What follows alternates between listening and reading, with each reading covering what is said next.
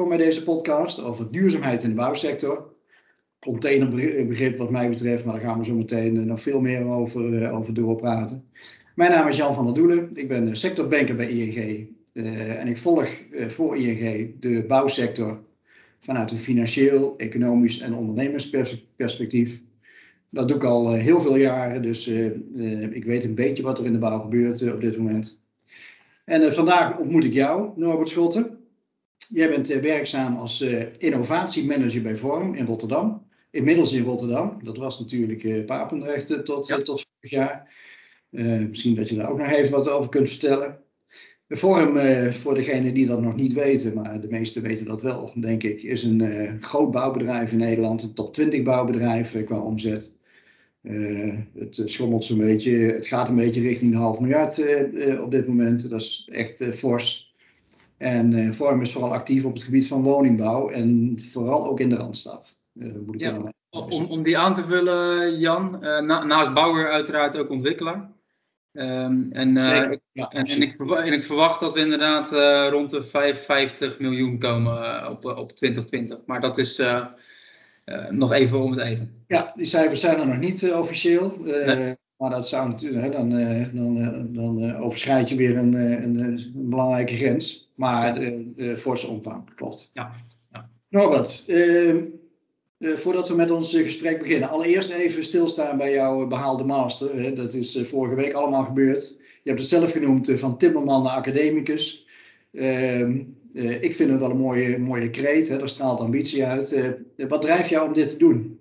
Om dit traject helemaal voor jezelf af te leggen?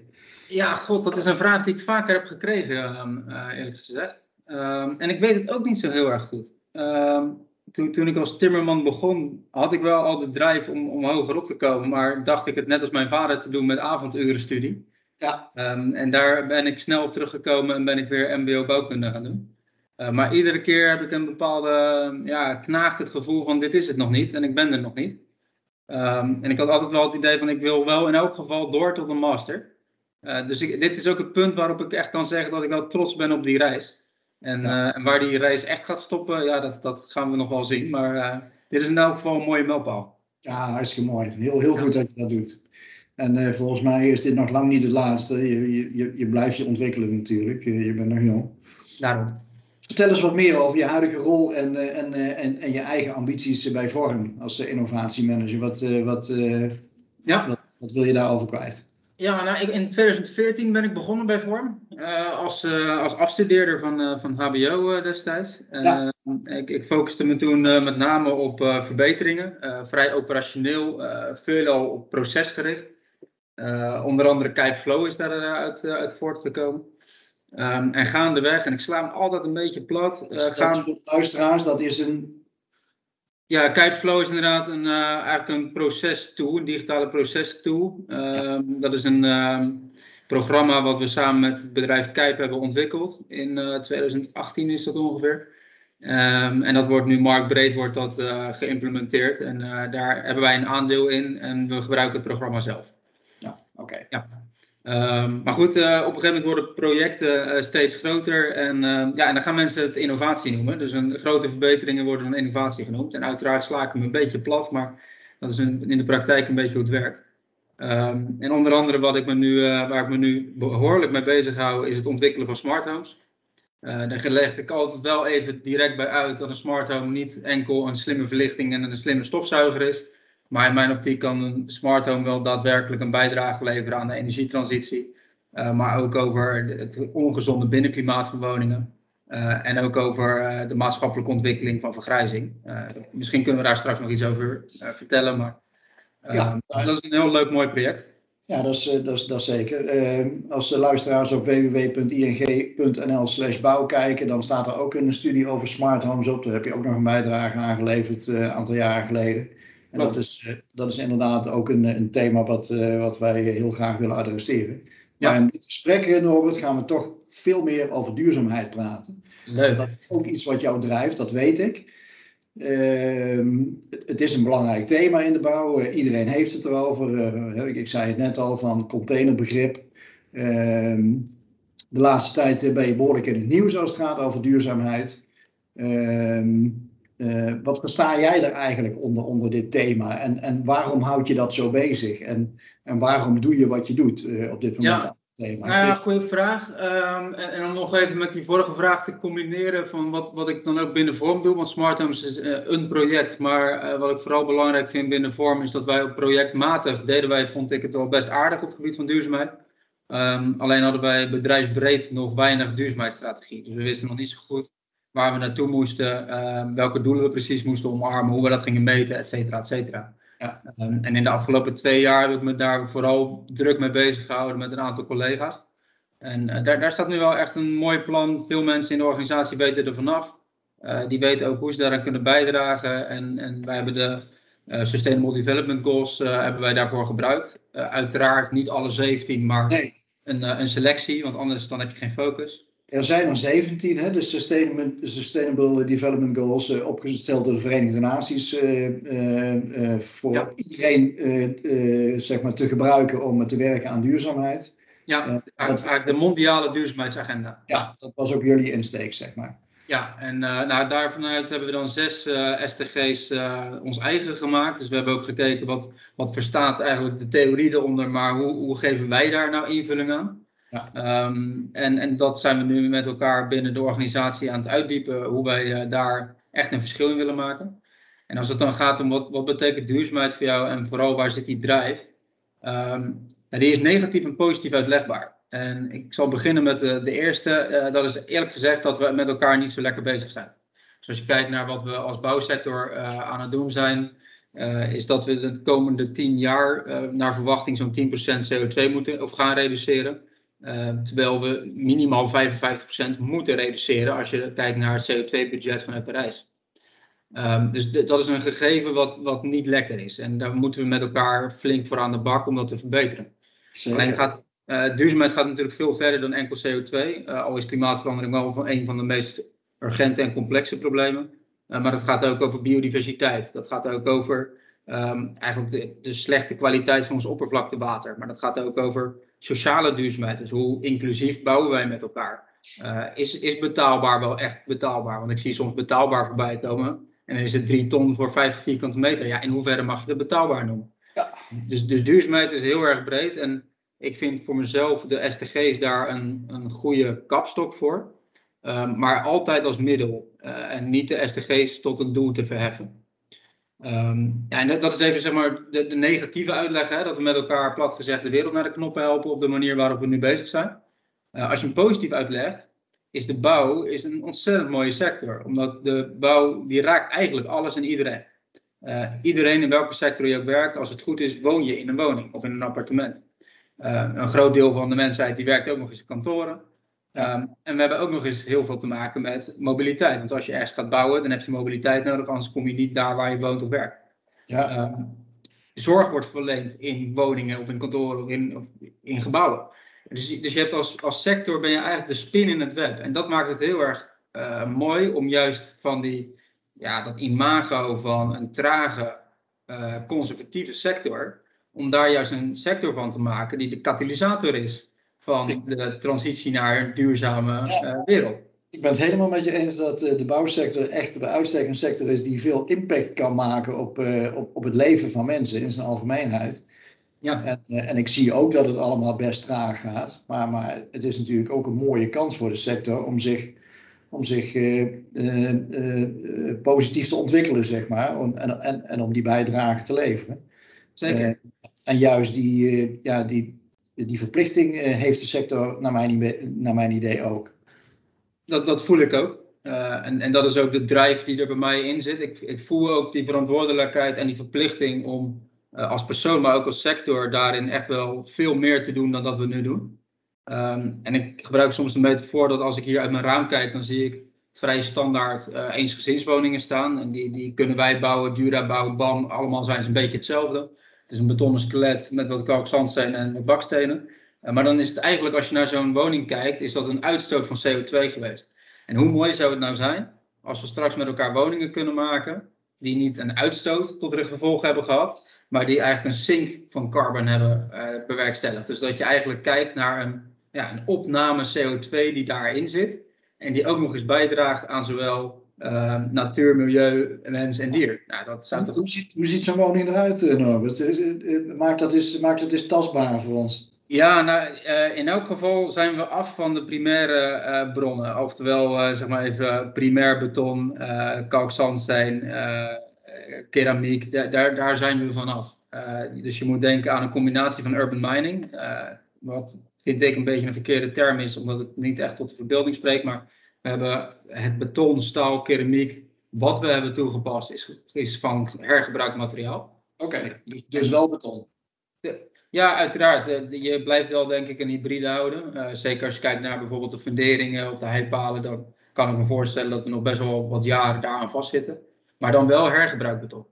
Uh, want we slopen nog best wel aardig wat. En dat beton kunnen we gewoon prima hergebruiken. Is dat voldoende? Nee, zeker niet. want als je het alleen maar met hergebruikt beton gaat doen, dat zal, of tenminste hergebruikt als in urban mining, dat zal ongeveer op de 3 megaton aan CO2 zitten aan besparing.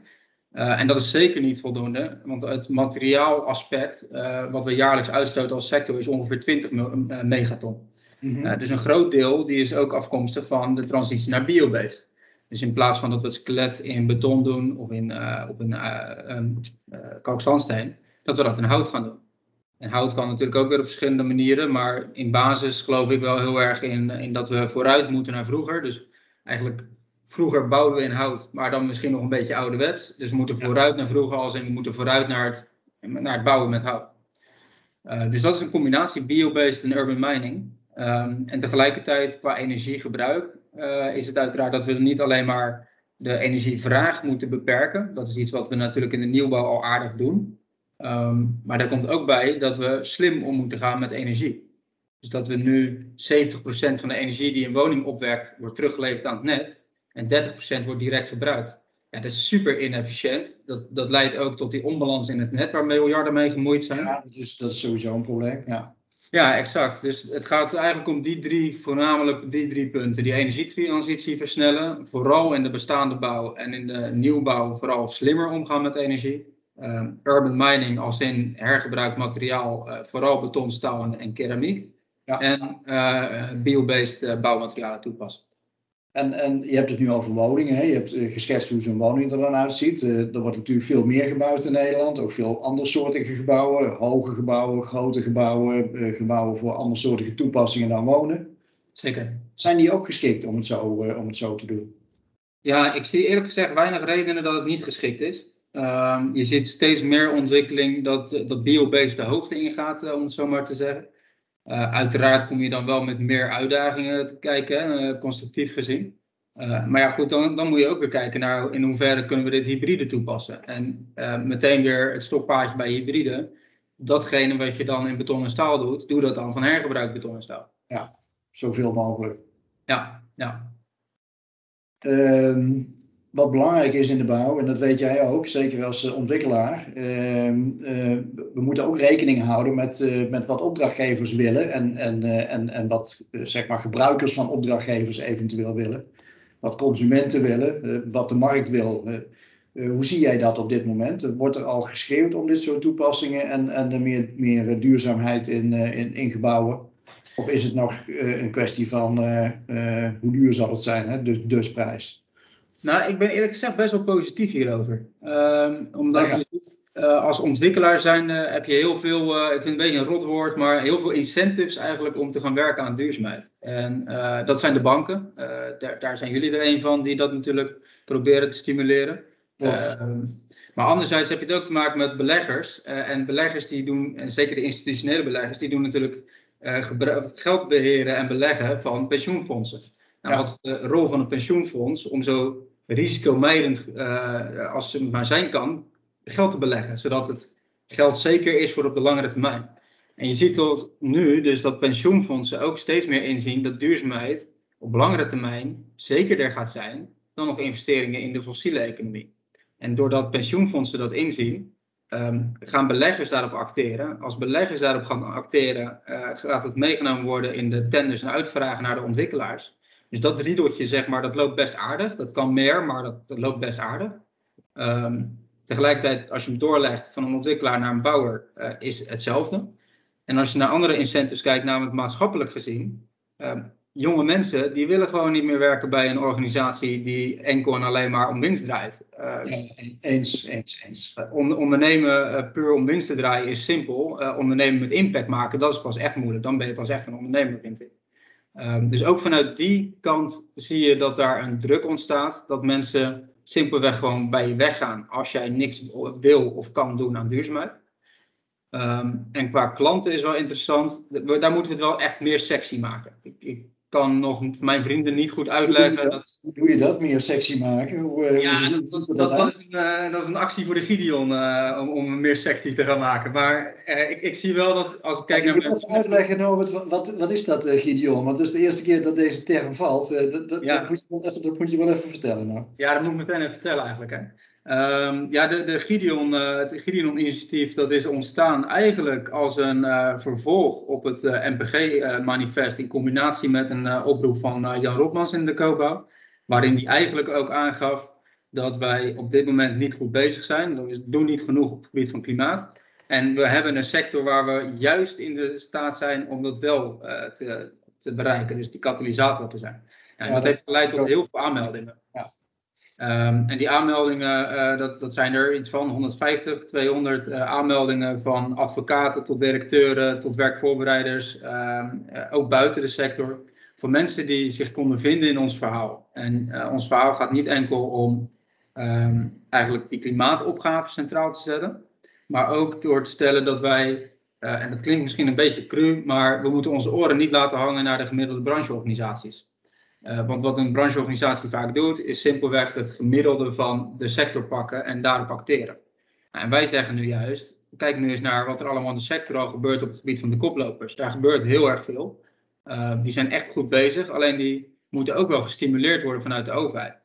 Nou, en als je dan kijkt naar die drie thema's die ik net noemde, urban mining, energietransitie en biobased, dat zijn eigenlijk de harde thema's waar we een verschil in kunnen maken.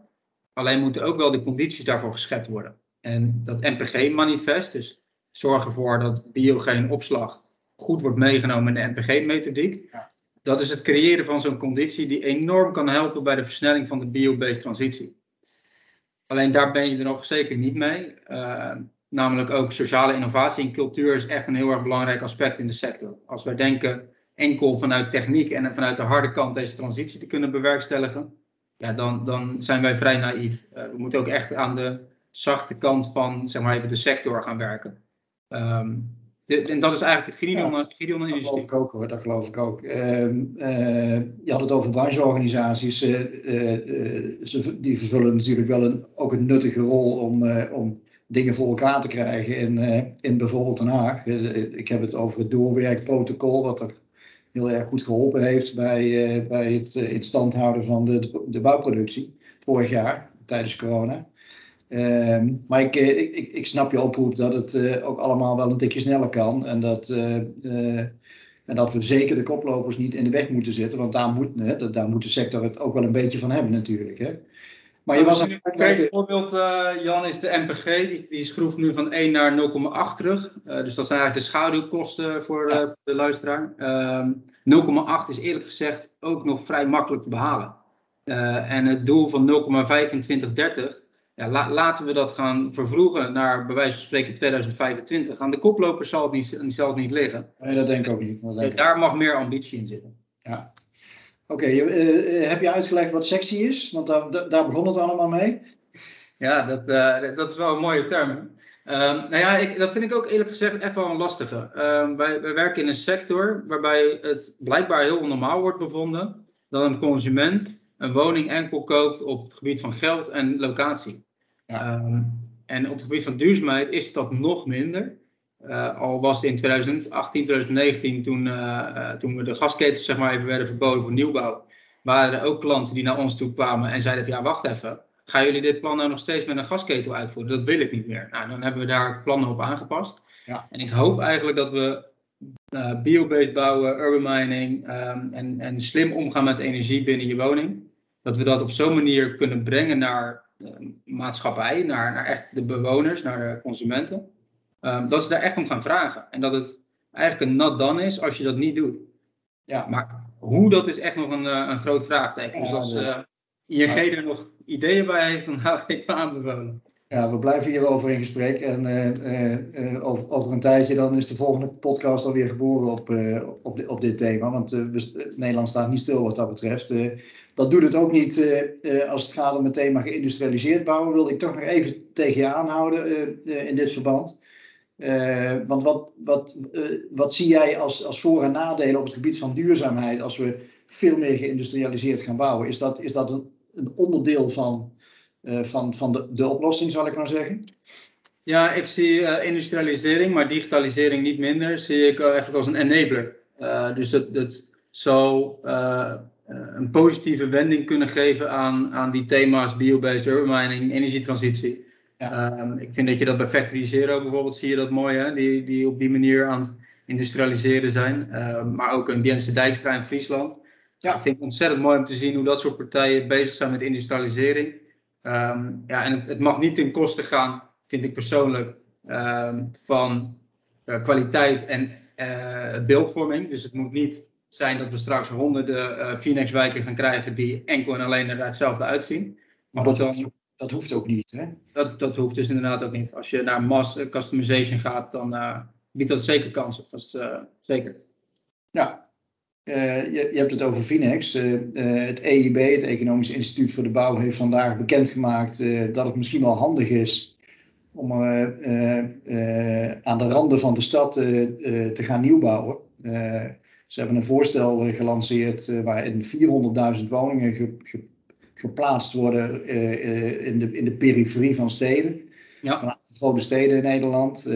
en daarvoor is anderhalf procent van de landbouwgrond nodig om, uh, om uh, als grond te worden gebruikt voor, voor die woningen. Wat vind je van dat plan? Nou, ik ben, voor, ik ben een beetje voor ingenomen wat betreft het EIB. Ik vind het een beetje een meestribbelaar. Um, op dit punt vind ik dat ze een deels gelijk hebben. Althans, ze zijn wel vrij laat met dit bericht, maar deels gelijk. Alleen vind ik wel dat je daar dan bepaalde consequenties aan moet verbinden. Dus als je dan een claim legt op landbouwgrond, ja. Uh, doe het dan op zo'n manier dat het echt rete duurzaam is. Uh, en, en, stel bijvoorbeeld uh, als, als eis of als voorwaarde dat we niet hoger kunnen dan een MPG van 0,3 als je op dat soort gronden gaat bouwen. En dat je daar niet meer wegkomt met een, met een betonnen skelet. dus op zich deels eens. het is wel een beetje een, eenzijdig bekeken, want we hebben ook nog uh, hoog braakliggend industrieterreinen in Nederland, wat, ja, wat oh, prima gebruikt kan worden. Er zijn nog veel meer mogelijkheden, dat klopt. Dat is, Precies. Dat is... Dus een beetje eenzijdig, een beetje laat. Uh, deels kan men erin vinden, mits je de consequenties of, of eigenlijk eisen aanstelt. Ja. Nou, het, het, het, het loopt alweer tot, uh, op zijn eind, dit gesprek. Maar ik heb nog twee belangrijke vragen. Uh, als ik die tegen je aan mag houden. allereerst ehm, op het gebied van duurzaamheid. Je had, we hadden het al over koplopers. Wat zijn nou de bedrijven die, eh, die, die uiteindelijk de sector meesleuren? Wat, wat, wat zijn, zijn het misschien game changers die uh, voor de verandering moeten zorgen die nodig is? Of kunnen we het uh, vanuit, vanuit de sector zelf wel, wel fatsoenlijk aan blijven jagen? Um, nou, in veel sectoren zie je dat het inderdaad dat die echte verandering van buiten de sector komt. Alleen de intra, regels of de intrede binnen de sector, die, die is heel hoog. Dat is heel lastig. Uh, dus, dus dat is wat moeilijker, denk ik, in de bouw. Kijk maar naar een Caterra, hoe, hoe mis dat is gelopen. Ja, wat een verhaal. Uh, ja, ja, ja. dus, dat, dus um, ik, ik, denk dat echt dat een combinatie is van mensen en bedrijven binnen de sector die uh, echt vooruit willen lopen, uh, echt koploperspositie willen pakken, uh, beseffen dat het niet enkel meer gaat om economisch rendement, maar juist ook om het maatschappelijke en ecologisch rendement. Ja. Um, en, en die samen eigenlijk met nieuwe marktpartijen, nieuwe start-ups aan de slag gaan om echt duurzaam en innovatief te gaan bouwen. Ja, ja mooi voorbeeld, Caterra. Helaas uh, gesneuveld uh, deze week, uh, althans daar lijkt het op. Ja. Het had niet zozeer te maken met, met de manier waarop zij de, de bouw benaderen. De, daar, waren, daar zaten ook financiële aspecten en financieringsaspecten aan, aan ja. gekoppeld. het gaat, gaat voor nu even te ver, maar zonder dat zo'n initiatief uh, uh, helaas mislukt. Want de, daar, daar, kan de bouw nog heel veel van leren. Zeker. Maar tot slot, uh, alles wat we in dit half uur besproken hebben. Wat, wat, wat zou jouw tip en jouw top zijn voor bouwen Nederland op dit moment? Nou ja, dat, dat zit hem echt in die transitie van economisch naar maatschappelijk en econo of ecologisch. Dus stel niet geld centraal, maar stel eigenlijk de wereld centraal en het geld vol. En ehm, doe dat door middel van het adopteren van urban mining, biobased en de energietransitie. En doe dat op zo'n manier dat het ook leuk is om aan te werken. En je tip? Ehm, ja, dat is eigenlijk een beetje de tip en de top in elkaar, eerlijk gezegd. Oh, een tip en de top in elkaar. Maar goed, je, je, je, je, je call is duidelijk, eh, Norbert. Uh, ik wil je hartelijk danken voor dit gesprek. En uh, we gaan over, over een, een, een, jaar na heden nog wel eens, nog wel eens kijken wat, wat er veranderd is in de wereld op dit gebied. want wat mij betreft gaat het nu best snel. Er zit tractie in, heb ik het idee. Daar hebben we heel lang op moeten wachten wat dat betreft, voordat het, het, vliegwiel een beetje aan, aan, aan, aan de gang gebracht kon worden. Maar ik heb het idee dat heel veel partijen er nu toch wel erg serieus mee bezig zijn. Moet ook, want we hebben, hebben, we hebben uitdagingen, maar we hebben ook verplichtingen. Daar hadden we het ook al over. dus in die zin denk ik dat, dat de sector zeer veel aandacht heeft voor het toepassen van allerlei ontwikkelingen op het gebied van duurzaamheid. dankjewel voor dit gesprek. Heel veel succes in je, in je rol bij Vorm en ook om het bedrijf verder te helpen nog duurzamer te bouwen. Dankjewel. Thank you.